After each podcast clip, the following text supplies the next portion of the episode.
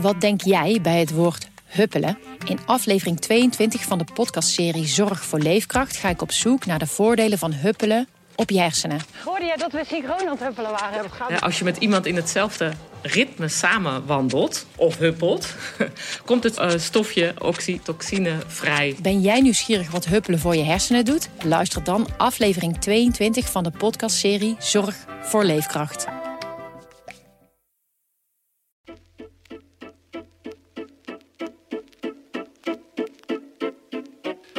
Welkom bij deze nieuwe aflevering van Haags Half Uurtje, de politieke podcast van Trouw. Mijn naam is Christel Smit en deze week gaan we het hebben over de parlementaire enquête uh, gaswinning Groningen. De verhoren daarvan zijn uh, deze week uh, beëindigd. Wat willen wij deze week weten van mijn collega Niels Marcus? Wat hebben de Groningers nou precies aan deze parlementaire enquête?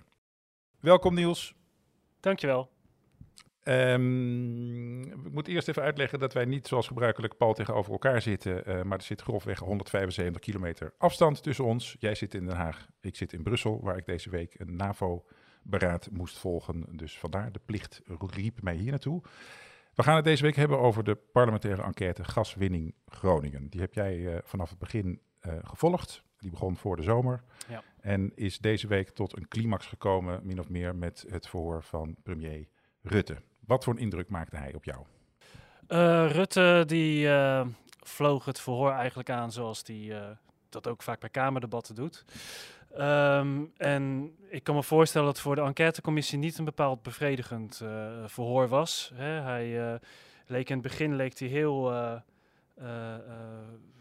heel veel dingen te bevestigen en daarmee heel erg toeschietelijk en toegefelijk te zijn aan de enquête. Maar eigenlijk bevestigde hij vooral wat er al op papier stond, wat er allemaal aan documenten uh, opgeduikeld is de afgelopen maanden door de enquêtecommissie. En later zag je hem toch vaak weer uh, de, de, toevlucht nemen in allerlei technische verhandelingen, die eigenlijk niet heel erg goed antwoord op de vragen gaven. dus ja, het, het bleef daardoor gewoon een beetje op de oppervlakte, dat verhoor. En dat was Oké, dus net als, uh, net als bij veel Kamerdebatten uh, was het een soort glibberig stukje zeep waar niemand echt uh, vat op kreeg, als ik het zo mag samenvatten. Ja, ja, dat vat je goed ja, samen. Ja, ja. Oké. Okay. Hey, maar laten we even uitzoomen naar het grote verhaal, want die parlementaire enquête, dat is nogal een forse instrument van de Tweede Kamer. Waarom is die überhaupt ingesteld naar deze zaak, naar deze Groningse gaswinningszaak? Ja, daar is eigenlijk al jarenlang was daar een grote roep ehm, voor vanuit de Tweede Kamer. Um, dat werd steeds uitgesteld, ofwel omdat er verkiezingen opkomst waren, of omdat de versterkingsoperatie, de reparatie van huizen in Groningen, nog niet op gang gekomen was. Uh, ja, en dat hij er zou komen, dat was wel al lang glashelder. Want uh, nou ja, zoals de commissie het zelf gezegd heeft, uh, is de, de, de, de gaswinning van iets wat 60 jaar geleden echt uh, een enorm succesverhaal van Nederland was. Dat zijn trouwens de woorden van Rutte. Uh, maar is het veranderd in een groot hoofdpijndossier. En zoals Tom van der Leden, voorzitter, zei, waarom lukt het al die instanties met steeds weer nieuwe afkortingen niet om de problemen voor Groningen op te lossen? Tom um, van der Lee is van GroenLinks, hè? Klopt, ja. En hij was ja. de voorzitter van de commissie. Dus ja, het, het enorme nou ja, schandaal wat, wat, wat die gaswinning geworden is hè, door de en doordat het maar niet opgelost werd om die huizen te versterken. Nou ja, daar moest een onderzoek naar komen. En dat is dus het zwaarste middel voor de Tweede Kamer geworden, een parlementaire enquêtecommissie. Oké, okay. nou zo'n onderzoek is een zwaar middel, maar zo'n parlementaire enquêtecommissie die wil natuurlijk ook iets bereiken. Uh, wat, wat was precies de taak uh, van die commissie? Uh, in eerste plaats waarheidsvinding. Dus uitvinden wat er precies gebeurd is en hoe het heeft kunnen gebeuren. En uh, nou ja, daarvoor hebben ze dus eerst voordat de voren begonnen al uh, maandenlang onderzoek gedaan, allerlei documenten opgevraagd, uh, voorbesprekingen gedaan met, met allerlei betrokkenen. Hè? En dus eigenlijk dat, dat openbare onderzoek, die openbare verhoren, dat is dan het officiële deel wat ook zichtbaar is voor ons, de pers of voor, voor het gewone publiek. Uh, nou goed, we hebben dus heel veel prominente politici zien langskomen. Je noemde al premier Rutte, maar ook de ministers Hoekstra, Ollongren, ex-ministers Kamp, uh, die zijn allemaal langsgekomen. Maar welke verhoren waren nou voor jou het interessantst?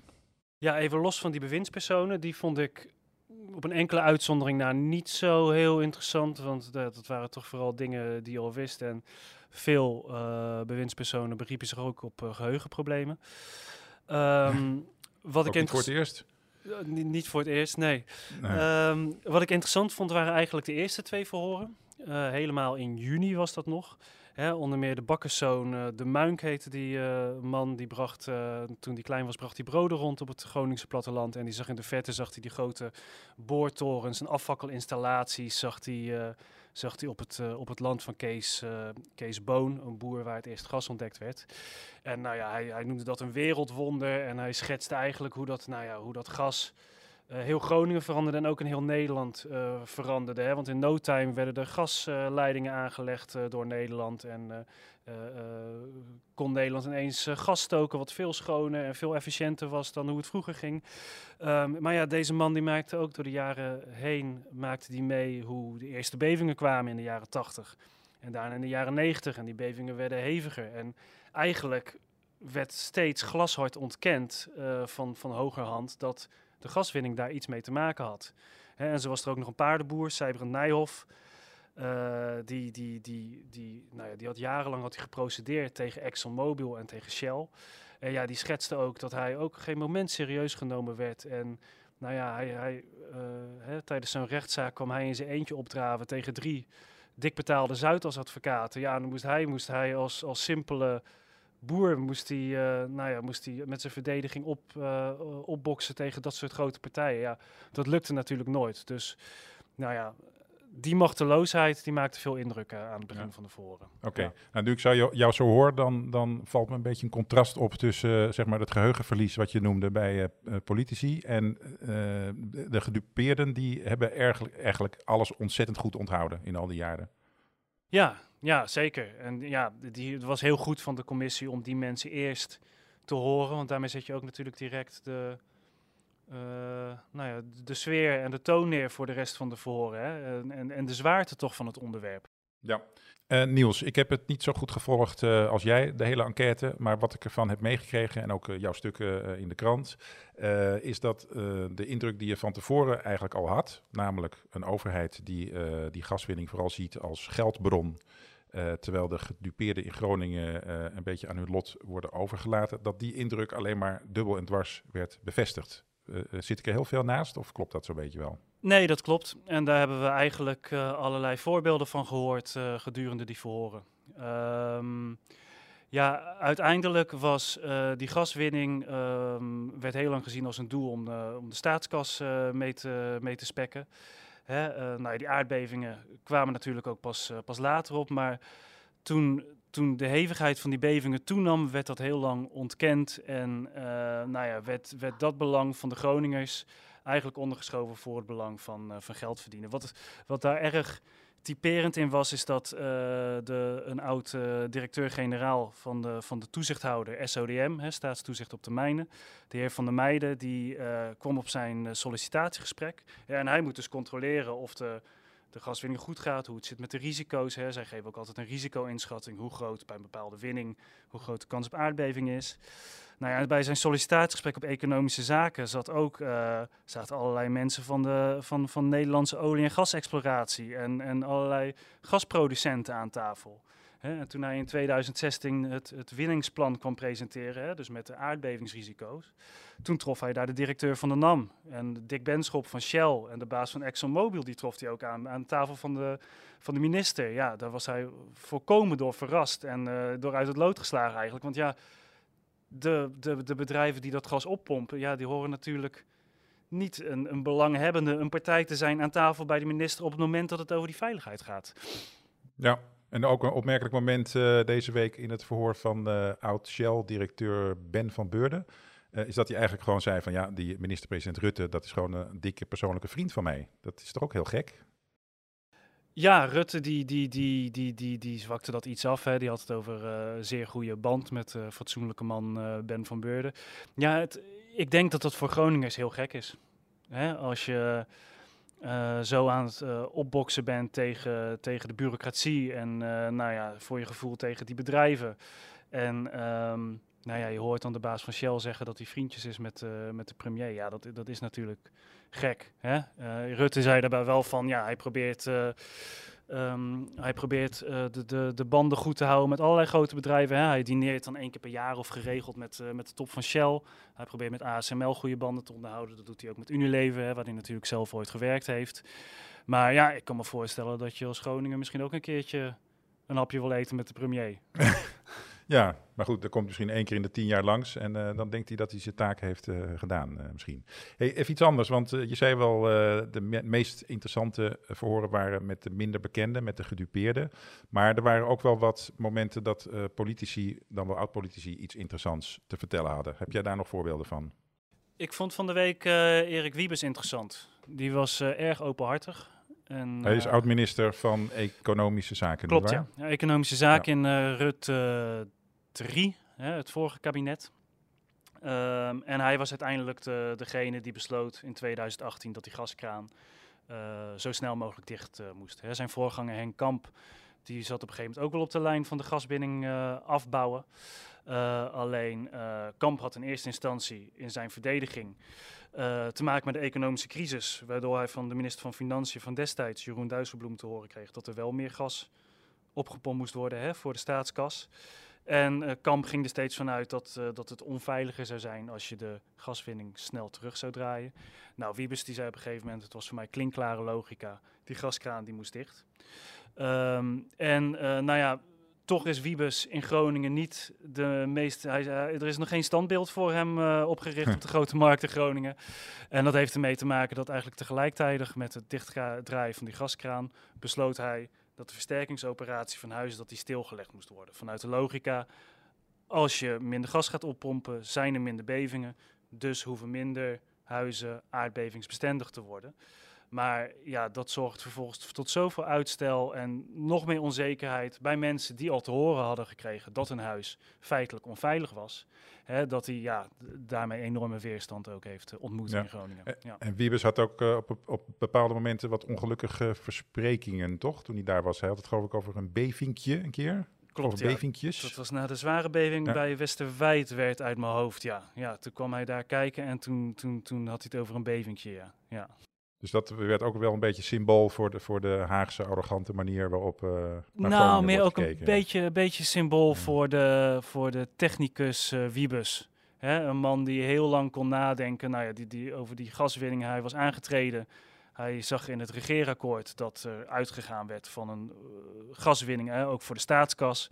Maar hij besloot toen toch van nee, dit werkt niet. En hij is toen aan het rekenen en aan het denken geslagen. Weet je, daar was hij heel sterk in. Hij was heel sterk in het in het analyseren van, uh, van zaken en, en uiteindelijk met, nou ja, hij wilde het zelf niet onorthodox noemen, maar toch met oplossingen komen die misschien in de Haagse binnenwereld niet heel logisch waren. Maar ja, in het uiten van, van dat soort zaken en naar Groningers toe uh, dingen uitspreken was het misschien een beetje onhandig. Oké.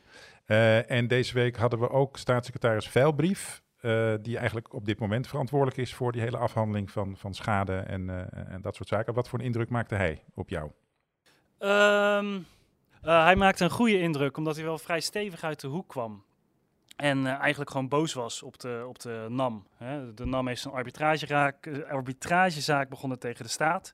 Hè, omdat ze gecompenseerd willen worden voor het gas wat zij niet oppompen. Hè. En... Um, ja, Velbrief zegt ervan dat hij dat eigenlijk uh, schandelijk vindt. Hè? Dat de NAM heeft jarenlang gepro geprofiteerd van het oppompen van gas. Het gaat ook om die versterking van huizen. Daar willen ze niet volledig voor, voor opdraaien. Ja, hij zegt... je hebt destijds heb je de lusten ondervonden van die gaswinning. Dus nu moet je ook gewoon garant staan voor dat bedrag. Oké, okay, en dan komen we uh, min of meer op een beetje de hamvraag van, van deze podcast. Namelijk, um, wat moeten de Groningse gedupeerden uh, van deze enquête merken? Hebben die er wat aan? Ja, goede vraag. Dat gaat denk ik ook een beetje moeten blijken als dat uh, slotrapport er ligt. Hè? Wordt begin volgend jaar verwacht, geloof ik, hè? Ja, ja februari ja. zeg ik uit mijn hoofd. Um, ja, je hoort nu al allerlei uh, politieke uh, duiders uh, zeggen een beetje cynisch uh, van ja, de Groninger die gaat hier, en, en, trouwens dat geluid is ook in Groningen te horen, de Groninger gaat hier helemaal niks van merken. Nou ja, als een Groninger dat zegt, dan kunnen we dat natuurlijk moeilijk tegenspreken. wat misschien wel zo is, is, um, en dat zag je ook bij de toeslagenaffaire, hè, daar is eerder een kleinere enquête naar gedaan. En toen dat rapport er lag, werd wel ineens, toen is ook het uh, kabinet afgetreden, werd wel ineens duidelijk voor de, voor de algemene volger, die er niet bovenop zat, hoe groot dat schandaal was en hoe de overheid daar steken heeft laten vallen. En misschien dat als dat rapport gepresenteerd wordt en we nu wekenlang hebben zitten kijken naar, nou ja, toch al die verhalen uit Groningen en ehm, op een rijtje uh, hebben hoe al die belangen genomen zijn, gelopen zijn. Ja, misschien dat dat toch, uh, nou ja, dat dat beeld zo helder wordt, dat dat dan toch iets doet voor de, uh, nou ja, voor de, voor de urgentie hè, en, en, en, en voor, voor de Groningers misschien. Oké, en uh, in politiek Den Haag gaat dan, dan al snel de vraag rond, gaan er koppen rollen? Wie, is, wie wordt er nou verantwoordelijk gesteld voor, voor dit debakel, als dat woord tenminste gebruikt wordt? Ja, ja, dat is een beetje een Haagse reflex. Ja, um, over de toeslagenaffaire is toen het hele kabinet opgestapt. Hè? Wiebes zelf heeft toen ook nog, want die was destijds, ging die over toeslagen. Toen heeft Erik Wiebes zelf ontslag ook nog genomen. Um, ja, ik denk dat het kabinet wat net een jaar zit, zal willen voorkomen dat ze hier uh, in zijn geheel over op willen stappen. Um, en ja, ik denk dat je om schuldigen aan te wijzen, wat denk ik de afgelopen tijd vooral naar voren kwam, is gewoon uh, hoe de hele overheid hier eigenlijk uh, gefaald heeft om de Groningers hier op een fatsoenlijke manier uh, in tegemoet te komen. Um, ja, daar zou je een heel kabinet uh, verantwoordelijk uh, voor mm. kunnen stellen. Ja, we hebben ook een, uh, een staatssecretaris nu, hè, die, die, die, die exclusief over de gaswinning gaat. Dat is, dat is vuilbrief. Hè. Dan is ja. het een heel makkelijke politieke oplossing kunnen zijn om hem te offeren. Hè. Heel, ja. heel Haags gedacht. Dat is een beetje gek, toch? Want hij is juist aangesteld om de problemen op te lossen. Ja, en wat ik begrijp is dat hij in Groningen toch ook wel een uh, goede indruk maakt. Hij is daar twee keer per maand uh, is hij daar. Dat is natuurlijk deels symbolisch. Maar uh, nou ja, hij zet toch weer, probeert toch weer op die versterkingsoperatie die vastgelopen is, toch weer los te trekken. Ja, ik weet niet of je iemand die daar nu net een beetje de wind in de zeilen aan het krijgen is, of je die nu moet offeren. Maar goed. Ja, nou, wat we bij de toeslagenaffaire ook al zagen, is dat uiteindelijk die schuldvraag, die, die ligt op een gegeven moment zo breed. Hè? Eigenlijk is de hele overheid heeft gefaald. Dat wordt allemaal heel abstract en diffuus. Ja. Dreigt dat hier ook niet? Ja, zeker. De, heeft, uh, de onderzoeksraad van de veiligheid heeft dat uh, voor de veiligheid heeft het al eerder uh, geconcludeerd. Hè. Die hebben een onderzoek gedaan naar de gaswinning uit mijn hoofd in 2015. En daarbij ook al ge geconcludeerd dat er sprake was van overheidsfalen van on-Nederlandse proporties. Ja, de conclusie van die enquêtecommissie die gaat, die gaat vergelijkbaar zijn. Ja, dat zeker. En okay. dan, ja, dan, dan, dan is het inderdaad heel breed. Ja, dan, dan is dus echt de hele overheid heeft, ja. heeft gefaald. Ja. En dan krijgen we ook nog eens twee andere grote parlementaire enquêtes die op het punt staan te beginnen, of die al een beetje zijn begonnen. Eentje naar de toeslagenaffaire, nogmaals, maar dan veel breder dan die eerste. En er komt er ook nog eentje naar het coronabeleid van de overheid. Um, als je dat allemaal bij elkaar optelt, dan ademt dat een enorme sfeer van falende overheid, waar de burger elke dag weer mee geconfronteerd wordt. Um, in hoeverre hebben al die parlementaire enquêtes nou als functie om dat vertrouwen te herstellen? Uh, daar zei Tom van der Lee, de, voorzitter van uh, de Groningen-commissie, zei daar uh, wel interessante dingen over. Hè. Die zei bij de presentatie van de commissie in het voorjaar zei hij dat ook een van de taken van zijn commissie was om het vertrouwen van de Groninger terug te winnen. Ja, daar is hij later op teruggekomen. Hij zei toen later van ja, dit, nou ja, dat, het, het, het, vertrouwen is zo laag in Groningen. Je kan niet een onderzoek doen en daarmee dat vertrouwen terugwinnen. Hè. Er moet er echt heel wat meer gebeuren dan een, uh, dan een parlementair onderzoek. En ja, ik denk ook uh, dat, dat toeslagenslachtoffers, hè, die nog steeds op vergoeding wachten en nog steeds in onzekerheid zitten, dat die al straks het definitieve onderzoek van de enquêtecommissie toeslagen er ligt, dat die ook niet direct zeggen, joepie, de overheid die werkt voor mij. Dus nee, mm. ja, een onderzoek alleen kan daar natuurlijk niet, kan dat wantrouwen nee. niet wegnemen. Nee. nee. Maar ja, goed, misschien dat we nu wel heel erg, of dat ik nu heel erg somber word. Maar uh, is er überhaupt nog een instrument waarmee je de burger dat, dat vertrouwen kan laten terugkrijgen? Want dat is inmiddels zo ver weggezakt. Het, er wordt wel eens gezegd, vertrouwen komt uh, te voet en gaat te paard. Um, hoe, krijg je dat ooit terug? Dat krijg je niet met deze parlementaire enquêtes terug. Nee, dat, uh, dat klopt denk ik. En ik denk ook niet dat een enquête het middel is om uh, vertrouwen terug te winnen. Ik denk dat Van der Lee daar, daar een goed punt had. Um, ja, en het kabinet maakt zich ook zorgen over het vertrouwen wat, wat zeer laag ligt in de, nou ja, met name in de parlementaire democratie, hè, in de politiek, in het kabinet en de Tweede Kamer. In de democratie zelf um, heeft 70% van de Nederlanders nog vertrouwen. Uh, ja, en het kabinet worstelt daarmee. Vorige week hebben we toevallig uh, Hanke Bruin-Slot, de minister van Binnenlandse Zaken, geïnterviewd over dit thema. Of dat ging over de Atlas van Afgehaakt Nederland, waarin onderzoekers eigenlijk uh, verschillende streken in Nederland aanwijzen waar mensen nou ja, dreigen af te haken van de, van de democratie. En ja, het kabinet denkt aan allerlei zaken. Aan manieren om de grondwet aan te passen. Dat je, dat je meer met voorkeurskandidaten kunt gaan werken. En uh, bijvoorbeeld burgerraden, hè, waar je echt een, een, een, een, groep Nederlanders die representatief zijn, laat meepraten over een onderwerp. Over klimaat wordt bijvoorbeeld gedacht. Ja, of die, ja, ik denk dat het uiteindelijk ook, en dat, zal, dat zei Hanke Bruinslot ook, dat het op allerlei manieren um, je hieraan zal moeten werken. Dat er niet één oplossing is. En ik denk dat het belangrijkste is, is zeker met zo'n burgerberaad en als je burgers ergens bij betrekt, dat je ook echt naar ze luistert hè, en iets doet met de dingen uh, die zij aandragen. Want anders ben je nog, uh, is het vertrouwen nog veel verder zoek.